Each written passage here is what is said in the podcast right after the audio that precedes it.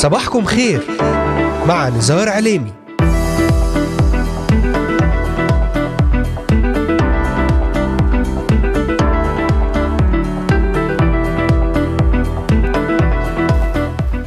أهلا وسهلا بجميع مستمعاتنا ومستمعينا الكرام وبجميع الذين انضموا الآن لبرنامج صباحكم خير.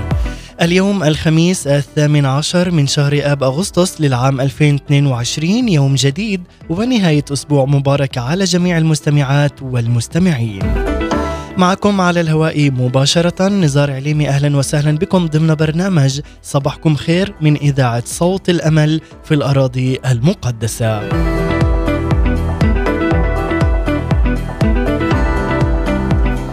أرحب بمستمعينا من الأراضي المقدسة ومن بلدان الشرق الأوسط وشمال أفريقيا من سوريا لبنان مصر تركيا الأردن والعراق ليبيا اليمن السعودية والكويت من أستراليا أمريكا ألمانيا كندا والسويد والذين يتواصلون معنا ويتابعوننا على مختلف منصاتنا الاجتماعية لإذاعة صوت الأمل.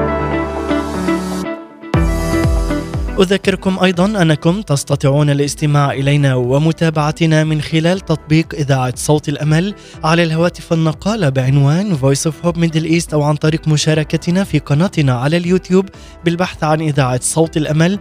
وأيضا يمكنكم تحميل تطبيق اي تيون والبحث عن Voice of Hope Middle East ويمكنكم زيارة موقعنا الرسمي voiceofhope.com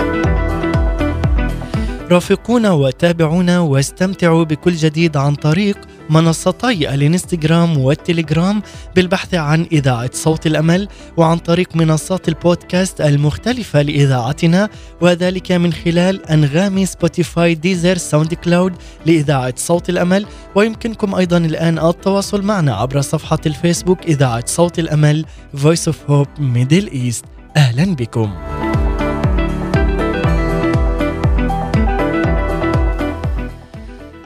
لقد جعل الله طريقة الخلاص بسيطة للغاية بحيث يمكن للجميع الحصول عليه. إذا اخترت أن تؤمن بيسوع المسيح ربا ومخلصا فسيكون الله أبيك وستصبح أنت ابنه الحبيب وستكون جزءا من ملكوته السماوي الأبدي. كانت ذبيحة يسوع المسيح هي سبيل الله الوحيد ليعيدنا إليه لأن خطايانا تفصلنا عنه بالتمام. لكن يسوع المسيح كان يريد أن يحمل خطايانا ليقضي عقوبتنا وهو مات لأجل ذلك على الصليب. فكل من يختار أن يؤمن به يصبح مبررا ومخلصا ويصبح ابنه الحبيب أيضا ويصبح مسيحيا حقيقيا. ثم يراك الله من خلال يسوع المسيح وأنت بلا خطية أو ذنب من وجهة نظره. إنها عطية مجانية صالحة من الله لكل واحد فينا. هذه هي النعمة المذهلة. ضحى البار ليبرر المذنبين لأنه يقول وأما كل الذين قابلوه فأعطاهم سلطانا أن يصيروا أولاد الله أي المؤمنون باسمه. واليوم عز المستمع أدعوك بأن لا تدير ظهرك لله. في يوم من الأيام ستقابله وجها لوجه. استدر واطلب السيد المسيح مخلصا لك قبل أن يفوت الأوان. كن مؤمنا به وستحصل على الغفران لجميع ذنوبك وستكون من هذه اللحظة في سلام وحب وأمان مع رب المجد يسوع المسيح. بعد هذه المقدمة لكم أحباء المستمعين وأيضا المتابعين سنتحدث اليوم ضمن رسالتنا حافظ على ذهنك بالتقديس لترى سماوات جديدة لكي نرى هذه السماوات الجديدة علينا أن نحافظ على أذهاننا بالتقديس وأيضا بالتكريس للسيد الرب يسوع المسيح. تابعونا على مدار هذه الساعة الصباحية. ولأي سؤال أو استفسار تواصلوا معنا الآن. وللتنويه تستطيعون الاستماع والعودة إلى جميع حلقات برنامج صباحكم خير من خلال متابعتنا على محرك البحث إذاعة صوت الأمل في تطبيقات أنغامي سبوتيفاي ديزر أمازون ميوزك. وستجدون جميع هذه الحلقات والعديد من البرامج الخاصة لإذاعة صوت الأمل على هذه المنصات المختلفة. وأذكركم أن هذه الحلقة تعاد أيضا في تمام الساعة الثالثة ظهرا بتوقيت القدس لنبدأ في هذا اليوم يوما جديدا ومباركا ورحلة جديدة. وفعلا كيف نحافظ على أذهاننا بالتقديس لكي نرى هذه السماوات الجديدة؟ انطلقنا.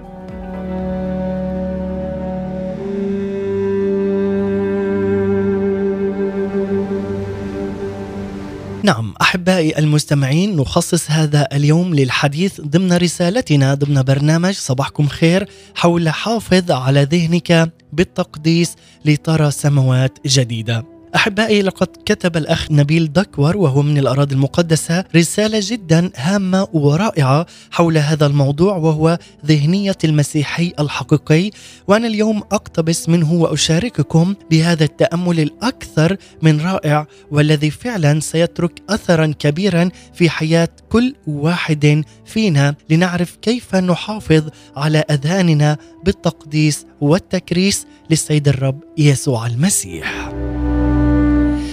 إن الإنسان حسب الإيمان المسيحي هو جسد ونفس وروح. الذهن هو من مكونات النفس فالإنسان كائن روحي يملك عقل ويتمتع بقوة تخيل رهيبة. هذا ما يفرقه عن الحيوان، لكن هناك تفاوت ذهني بين كل شخص وآخر ولكل ذهن مقداره من الفهم وقدرة مختلفة في التأثير أو التأثر. في كتابه قوة ذهنك يعرف لنا أيضا القس كريس طبيعة الذهن الجسدي. يقول إن الذهن قادر على استقبال المعلومات ومعالجتها من الإنسان الخارجي وحواسه كما أيضا من الإنسان الداخلي وحواسه الروحية. فهو الموصل الانسان الطبيعي أو الخارجي والإنسان الروحي أو الداخلي. وبالتالي هو من يعطي الإنسان شخصيته الحقيقية لأن الذهن في النهاية هو المسؤول عن اتجاهات الإنسان وسلوكياته. لذلك عز المستمع قد يخضع هنا ذهن الإنسان لعوامل ولتجارب تؤثر وتسيطر عليه سلبا وتقوده إلى أماكن مظلمة في حياته وتجعله لا يتصرف كما ينبغي وبحسب مشيئة الله له. لذا يرتكب الإنسان أخطاء شائعة ويشعر هنا بالمرارة في حياته باحثا عن هدف الله لحياته من جديد. عن هذا أيضا كتب قدس الأب شنودة الثالث وذكر أن العقل يقود الإنسان لكن ما يقود العقل هو الشك الجهل واعتقادات اجتماعية وعائلية عقيدة أو مذهب عادة أو طباع أو خوف أو شهوة أو عاطفة. لكن إلا أن نعمة الرب قد وهبتنا قوة تثبتنا وتحمينا من الفشل مهما كانت صعوبة الأيام. لأنه جاء في تيموثاوس الإصحاح الأول والعدد السابع أن الله لم يعطنا روح الفشل بل روح القوة والمحبة والنصح.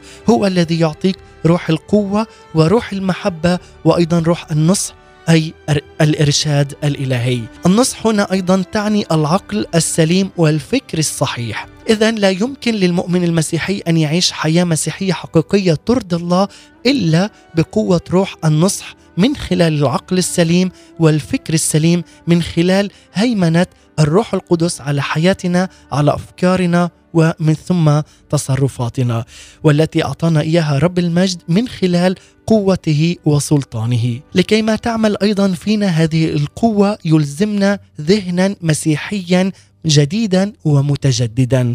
روحيا متاملا وأيضا يكون مستنيرا ومكرسا ومحصنا فرحا ومشبعا ومفلترا. علينا أن نعيشه في هذه الأرض بقوة روح الله من خلال روح النصح لكل واحد فينا.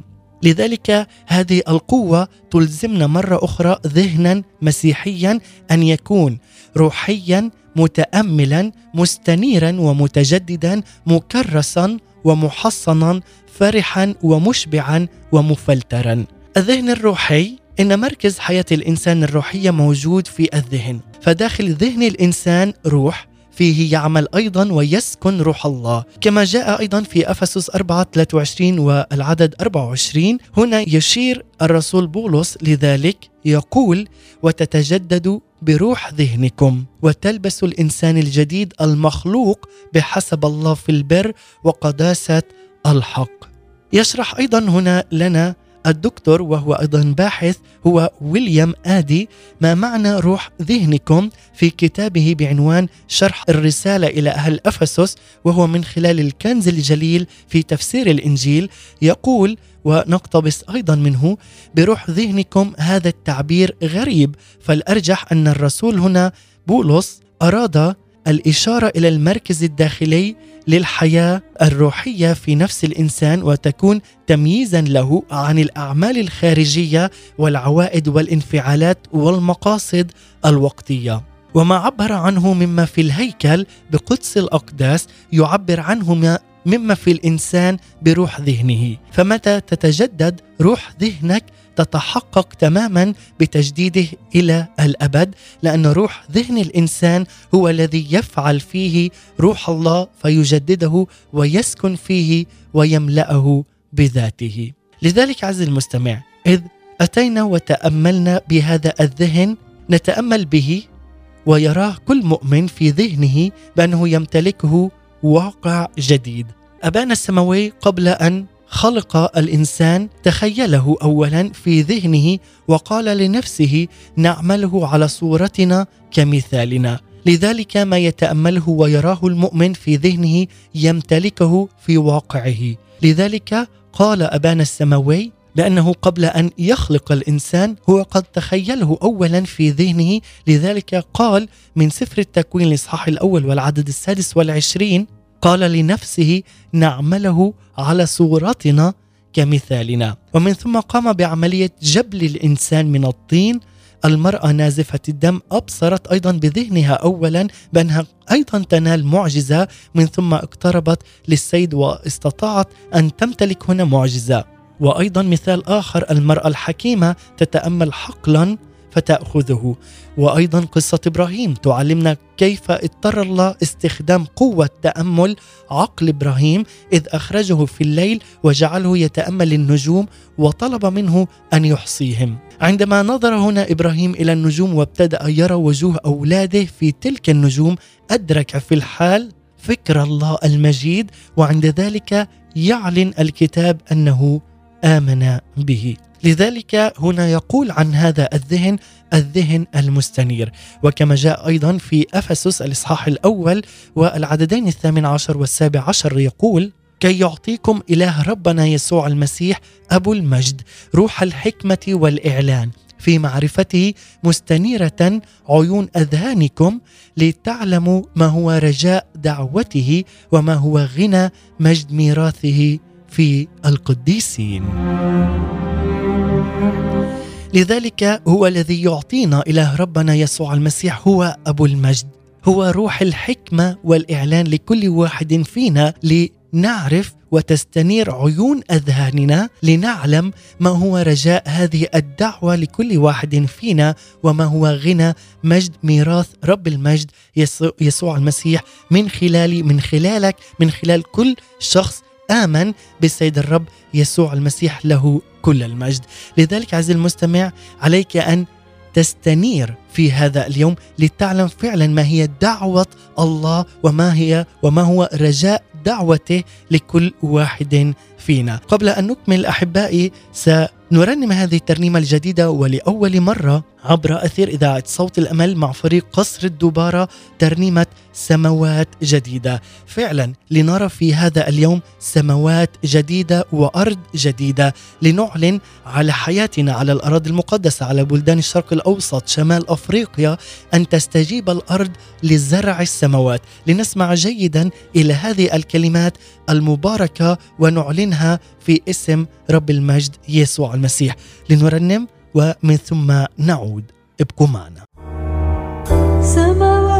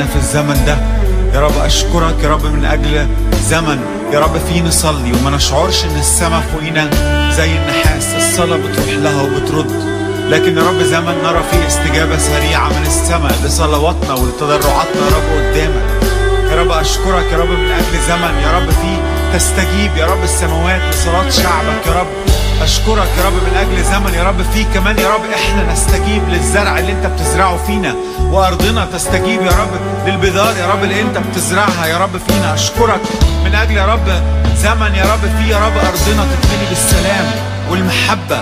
يا رب زرعة الإيمان زرعة القداسة زرعة البر اللي أنت بتزرعها فينا. تنبت يا رب تنبت يا رب فينا سريعا.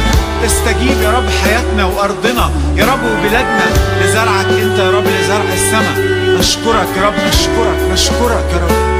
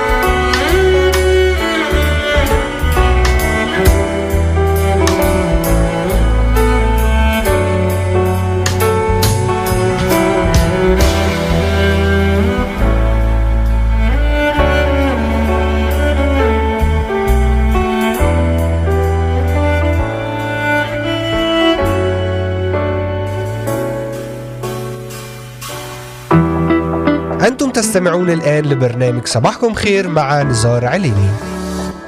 هللويا. أمين على هذه الكلمات الرائعة احباء المستمعين وفعلا في هذا الوقت نعلن نعلن في هذا الوقت أحبائي معا تستجيب الأرض لزرع السماوات وتستجيب السماء لصراخ البلاد. لنعلن معا هذه الكلمات بقوتها وفاعليتها في هذا الوقت أن الجميع يخضع ويستجيب لصوت الرب. لتكون لي ولك عز المستمع سماوات جديدة أرض جديدة تفيض لبنا وعسلا تفيض خيرا ومحبة. تبدأ من هنا ونحن على هذه الأرض حتى الحياة الأبدية. ونحن أحبائي نتحدث في هذا اليوم برسالتنا ضمن برنامج صباحكم خير حول حافظ على ذهنك بالتقديس لترى سماوات جديدة وفعلا هذه الترنيمة الجديدة والرائعة مع فريق قصر الدباره التي رنمناها فعلا تأخذنا إلى أرض جديدة وإلى سماوات جديدة مباركة من السيد الرب لكل واحد فينا.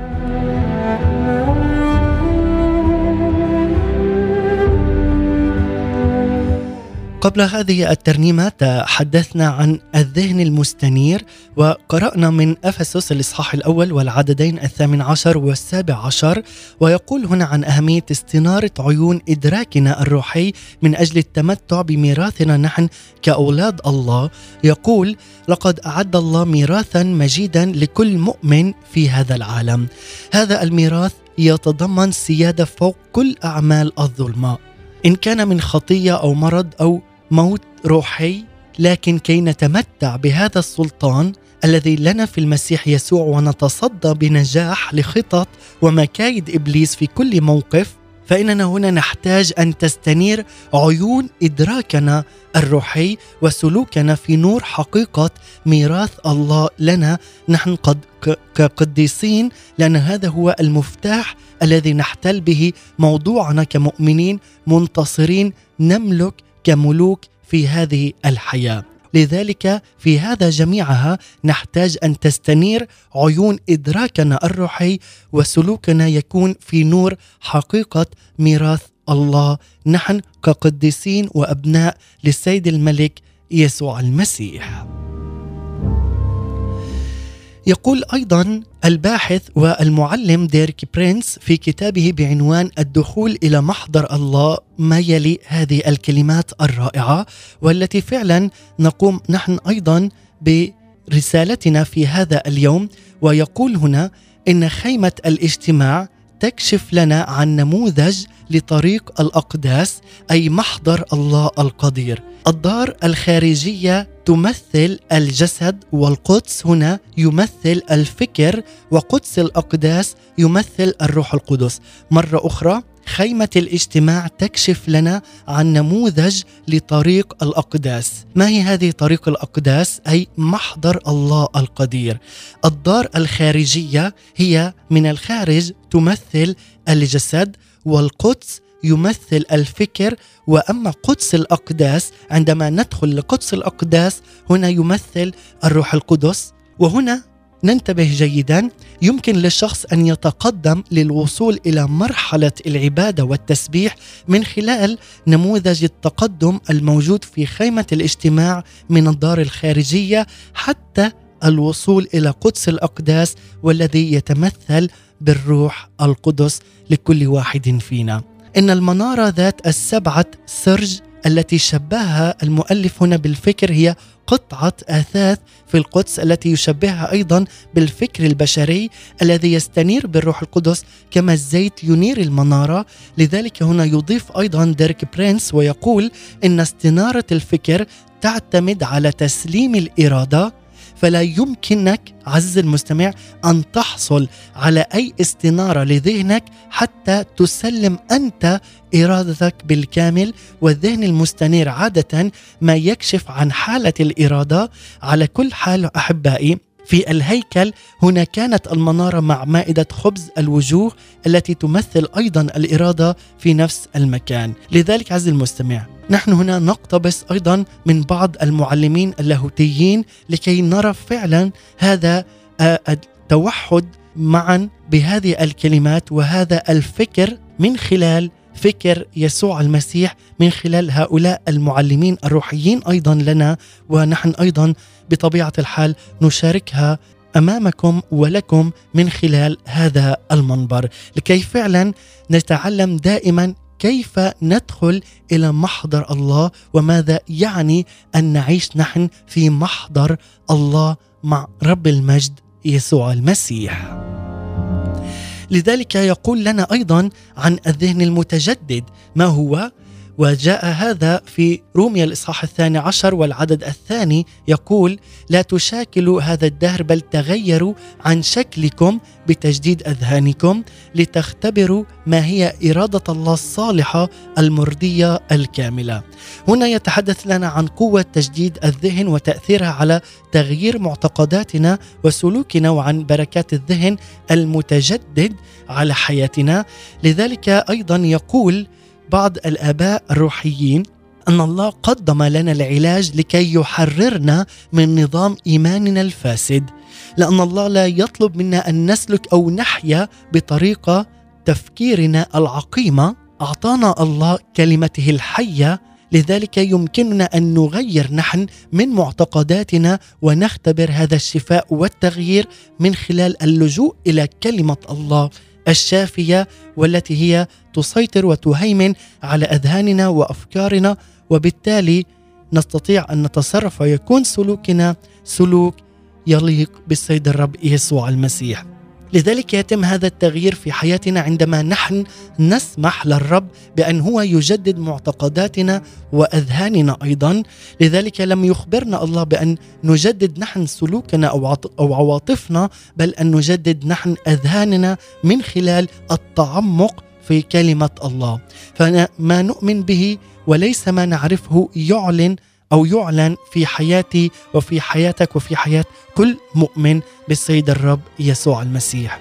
لذلك ليست عملية تجديد الذهن موضوع استبطان عميق وليست مجرد استبدال أفكارنا السلبية بأفكار إيجابية لكن تجديد الذهن هنا يشمل علاقتنا المباشرة مع الله واتكالنا عليه وهو الذي يكشف لنا ألعيب إبليس ولذلك هو الذي ينبهنا ويستنير بعقولنا ويعطينا هذه الاستنارة الروحية لكل هجوم من إبليس على عقولنا أو على أذهاننا أو على جسدنا وحياتنا.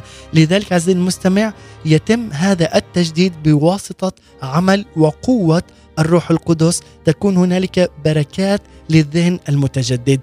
ونتيجة لهذه البركات تكون يكون الذهن هنا المتجدد في حياة السلام والسماح للمسيح بأن يغير هو أفكارنا وأيضا معتقداتنا. هو الذي يشفي الذهن المتجدد مشاعرنا الجريحة من السلوك. لذلك هو الذي يمنحنا الذهن المتجدد القوي من خلال محبة الله. لذلك عز المستمع عملية تجديد الذهن حسب رب المجد يسوع المسيح بأن نكون نحن أن نسمح له بأن يدخل إلى أعماقنا أن يجددنا وأن يعطينا حياة وبركة وفعلا أن ندع روح الله أن يهيمن ويسيطر ونقبل نحن يسوع المسيح من كل قلوبنا وأفكارنا وأيضا أن نلهج بكلامه ليلا ونهارا لنعيش حياة مستنيرة وينير أذهاننا في كل دوائر حياتنا. سنتحدث أيضا احبائي عن الذهن المكرس أو المستأثر. هنا يقول في كورنثوس الثانية برسالته في الإصحاح العاشر والعدد الخامس مستأثرين كل فكر إلى طاعة المسيح أن نستأثر كل أفكار تأتي على حياتنا وأفكارنا في الداخل إلى طاعة رب المجد يسوع المسيح. لذلك إذ أردنا أن نعرف أفكار الله علينا أحبائي أن نتعلم كيف نخضع فكرنا بالكامل إلى طاعة المسيح. لذلك علينا أن نتجه بأفكارنا إلى أفكار المسيح. لذلك أيضا يقول فليكن فيكم هذا الفكر الذي في المسيح يسوع أيضا فتعلم أن تف... أن تفكر بالطريقة التي أيضا فكر بها يسوع المسيح. وعندما وضع يسوع نفسه إلى الموت على الصليب هذا هو الفكر الذي كان عند يسوع. يجب أن يمر الذهن بعملية الصلب وفي عملية الصلب هذا التي تستأثر فيها ذهنك المتكرر والعنيد إلى الطاعة طاعة المسيح وأيضا من خلال الاتضاع ومن خلال الموت على عن شهواتنا وأي فكر رديء يأتي علينا. لذلك الذهن المصلوب لا يجادل مع الله بل يقول آمين لكل شيء وتكون فعلا هنالك بركة عظيمة على أذهاننا على أقوالنا وعلى تصرفاتنا. لماذا؟ لأننا نحن قد أخضعنا وأخضعنا أفكارنا واستأثرناها. كل فكر استأثرنا كل فكر إلى طاعة المسيح. أحبائي سنرنم هذه الترنيمة الرائعة مع نرمين وهبة. مهما عرفتك ترنيمة جدا رائعة وأيضا هي جديدة من إذاعة صوت الأمل سنرنمها ومن ثم سنكون فيما بعد مع موضوع الذهن المحصن. ما هو الذهن المحصن؟ وكيف نحصن أذهاننا؟ من الأفكار السلبية والخارجية التي تأتي عليه. ابقوا معنا نرنم ومن ثم نعود. مهما عرفتك هفضل نقطة في كون معرفتك ومسلم لك قلبي وعمري تحت مشيئتك أحكامك أبعد من الفحص وآياتك ملجأ للنفس. بتخلي منظور القلب بستر عظمتك. مهما عرفتك هفضل نقطة في كون معرفتك ومسلم لك قلبي وعمري تحت مشيئتك آه أحكامك أبعد من الفحص وآياتك ملجأ للنفس. بتخلي منظور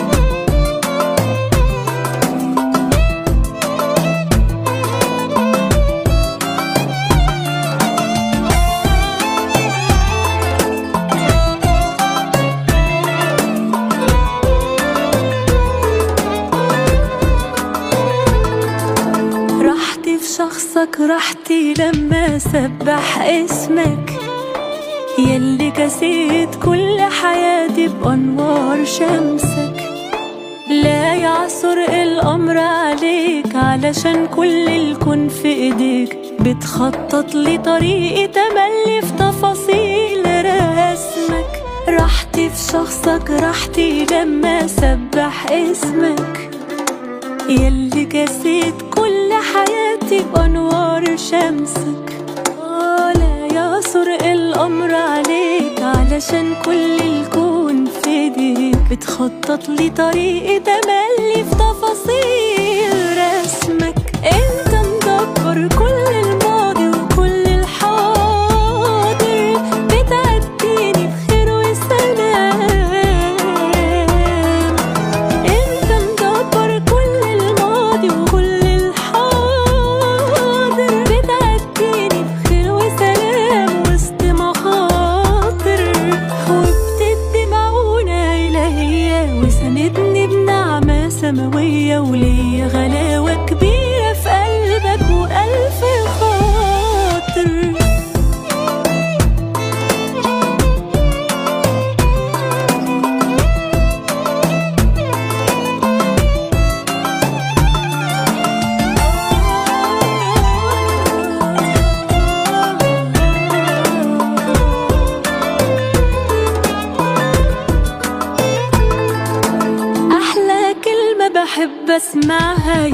سماحتك أنا يا حبيبي معاك ما تخافش ولا يوم سبتك.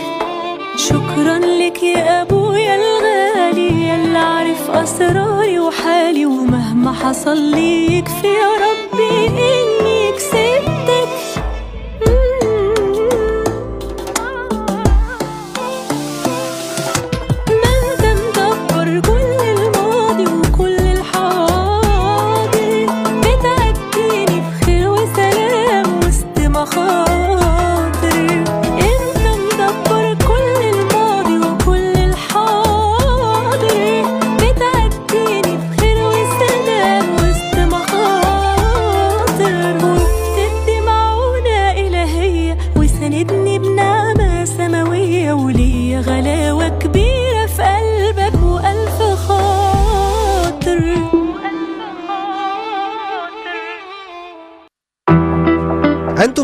تستمعون الآن لبرنامج صباحكم خير مع نزار عليني.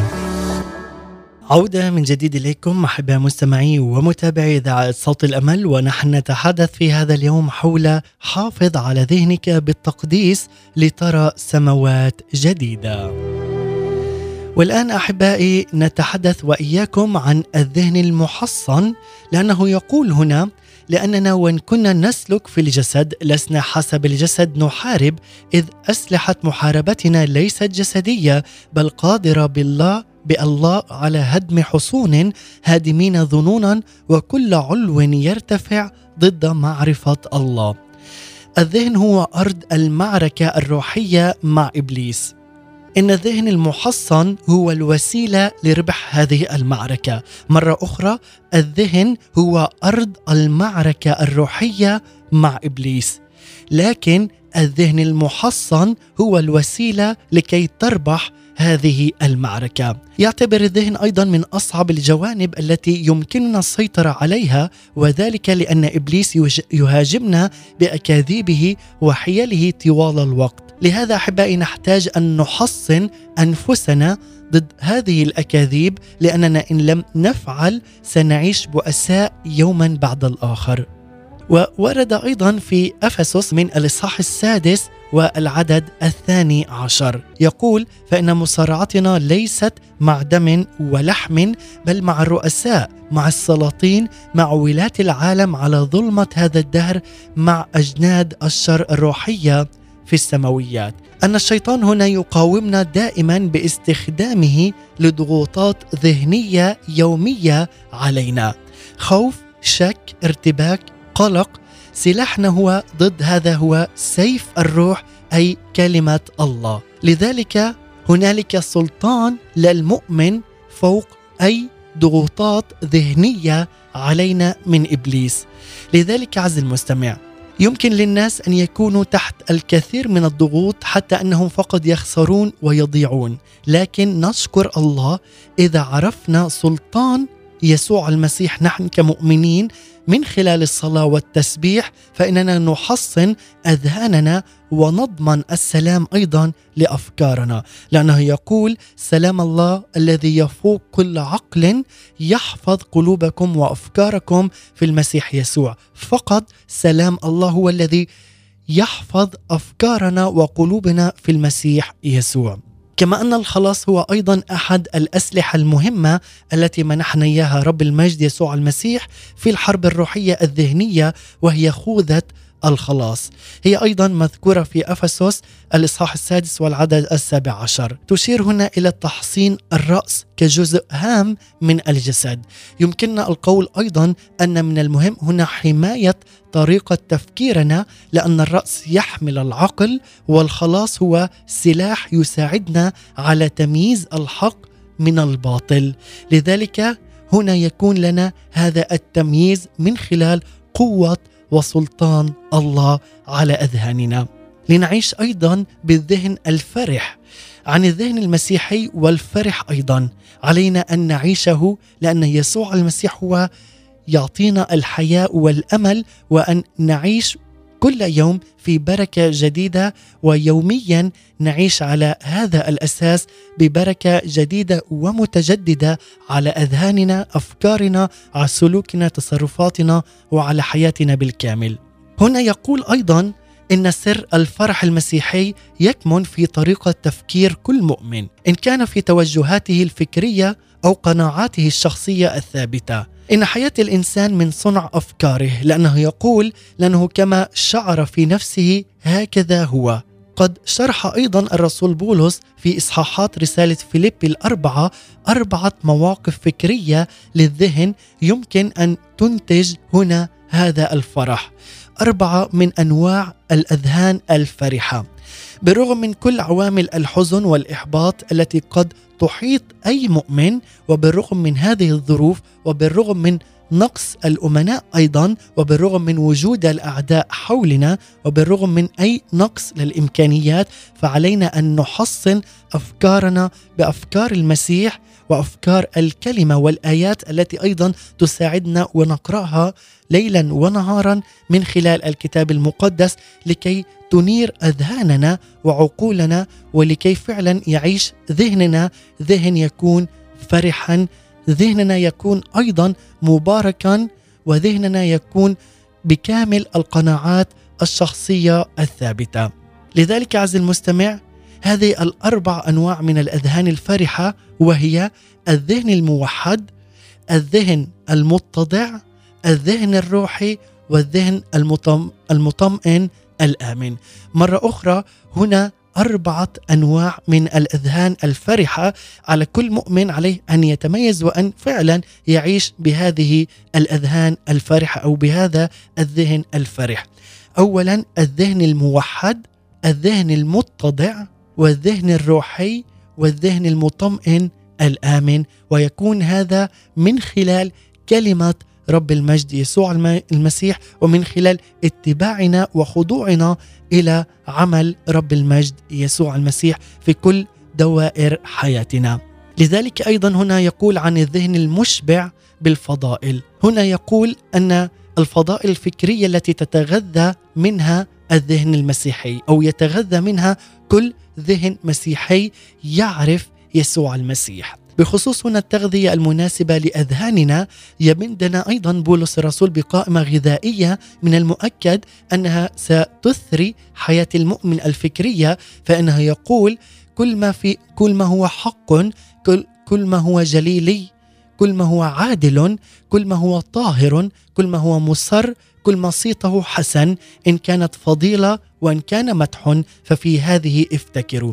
هنا المشغولية والتفكير الدائم بهذه الأمور المباركة التي نراها نحن بصورة كاملة من خلال الكامل والوحيد وهو يسوع المسيح. ولذلك أفكارنا تصر وتفرح وتفرح أيضا بالمسيح يسوع. لذلك نختبر هذا القول ونقول افرحوا في الرب كل حين وأقول أيضا افرحوا. لذلك أيضا هنالك الذهن المفلتر وهنا الذي يعطينا من خلال أذهاننا بالرغم من ما نسمعه في الخارج فعلينا أن نفلتر هذه الكلمات من كلمات سلبية إلى كلمات إيجابية على حياتنا وأن نسلك بالإيجابيات لأن يسوع المسيح يريدنا أن نكون دائما فرحين دائما مباركين ودائما محبوبين. لذلك أحباء أيضا سنختتم في هذا الوقت مع هذه الكلمات وأيضا سنكون فيما بعد مع وجبة روحية دسمة ومن ثم نختتم. يقول هنا إن فكر الإنسان نتاج ذهنه وفكرنا يصنع واقعنا فللذهن الدور الهام والأساسي في خلق عالمنا لأنه كما شعر في نفسه هكذا هو. قوة التخيل الذهني والتأمل الفكري يخلقون ظروفنا سلوكنا هو انعكاس لما نؤمن به أيضا. ويقول أيضا أن المسيحي الحقيقي الحكيم هو صاحب الذهن المسيحي الروحي والمتأمل وأيضا هو يكون صاحب هذا الذهن المستنير والمتجدد والمكرس والمحصن والفرح والمطعم والمفلتر. لذلك يتأمل مجددا معا مع هذه الأفكار التي فعلا تكون لنا مستنيرة متجددة ومكرسة بالكامل للرب ومحصنة وتكون أفكارنا وأذهاننا فرحة وأيضا مفلترة، لذلك هذه الكلمات نتأمل فيها ونأخذها على حياتنا في اسم رب المجد يسوع المسيح له ومنه كل المجد. والآن أحبائي ننتقل إلى الفقرة الثابتة والتي تبث لكم أيام الاثنين والأربعاء والخميس بعنوان وجبات روحية مع مقدمة وكاتبة هذه التأملات إناس دكور سمعان. وجبة صباحية مباركة وجديدة نقدمها لحضراتكم. نستمع ومن ثم نختتم بترنيمة. وجبات روحية صباحية عصرية ومسائية. مع إناس دكوهر سمعان. هنا إذاعة صوت الأمل للشرق الأوسط. أهلا بكم.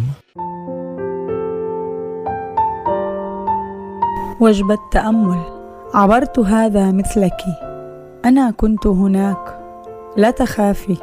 إذا كنت الآن في مرحلة نشر صورتك الجميلة لوحدك مع بعض الكلمات السلسة أو مرحلة الذات وتطويرها بكل أنواع الدورات أحب أن أخبرك أنك في الطريق الصحيح. في الطريق الصحيح إلى الهاوية والوقوع في فخ ما يسمى السعادة. فخ ما يسمى الهدوء.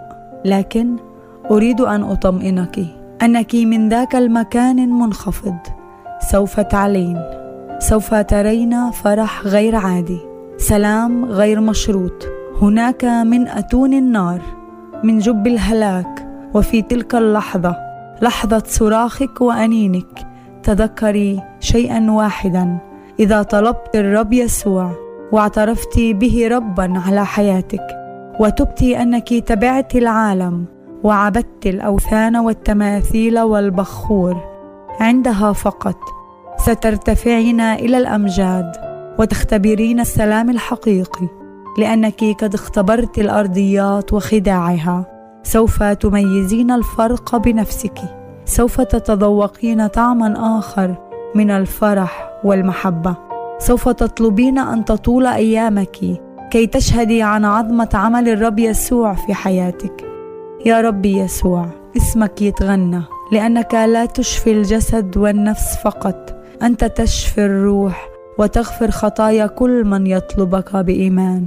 شكرا حبيبنا يسوع. إنك الحل الأول والوحيد والأخير لكل ضيقاتنا الأرضية والسماوية. نعظم اسمك ونمجدك ما دمنا بالروح القدس.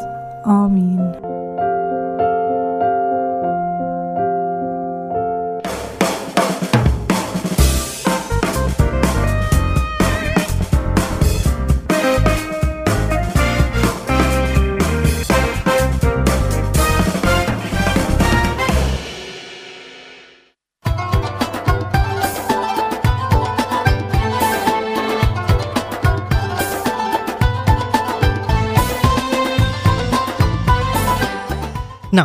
احبائي وبهذه الكلمات الرائعة وهذه الوجبة الروحية والصباحية نختتم وإياكم مع هذه الترنيمة. افرح يا قلبي بالخلاص مع نادية منير. افرح لأن يسوع المسيح هو معك في كل أيام حياتك. وأتمنى لك أحبائي نهاية أسبوع رائعة ومباركة في يسوع المسيح لحياتك. أشكركم على حسن المتابعة والإصغاء. كان معكم على الهواء مباشرة نزار عليمي من إذاعة صوت الأمل. سلام المسيح. إلى اللقاء.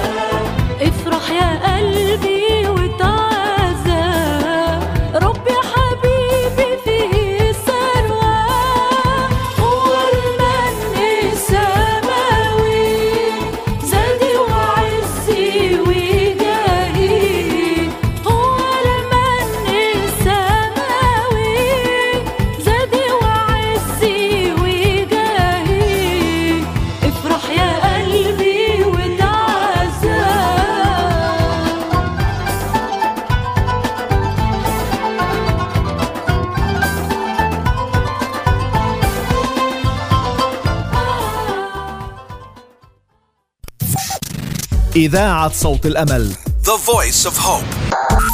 a strategic communications broadcast station.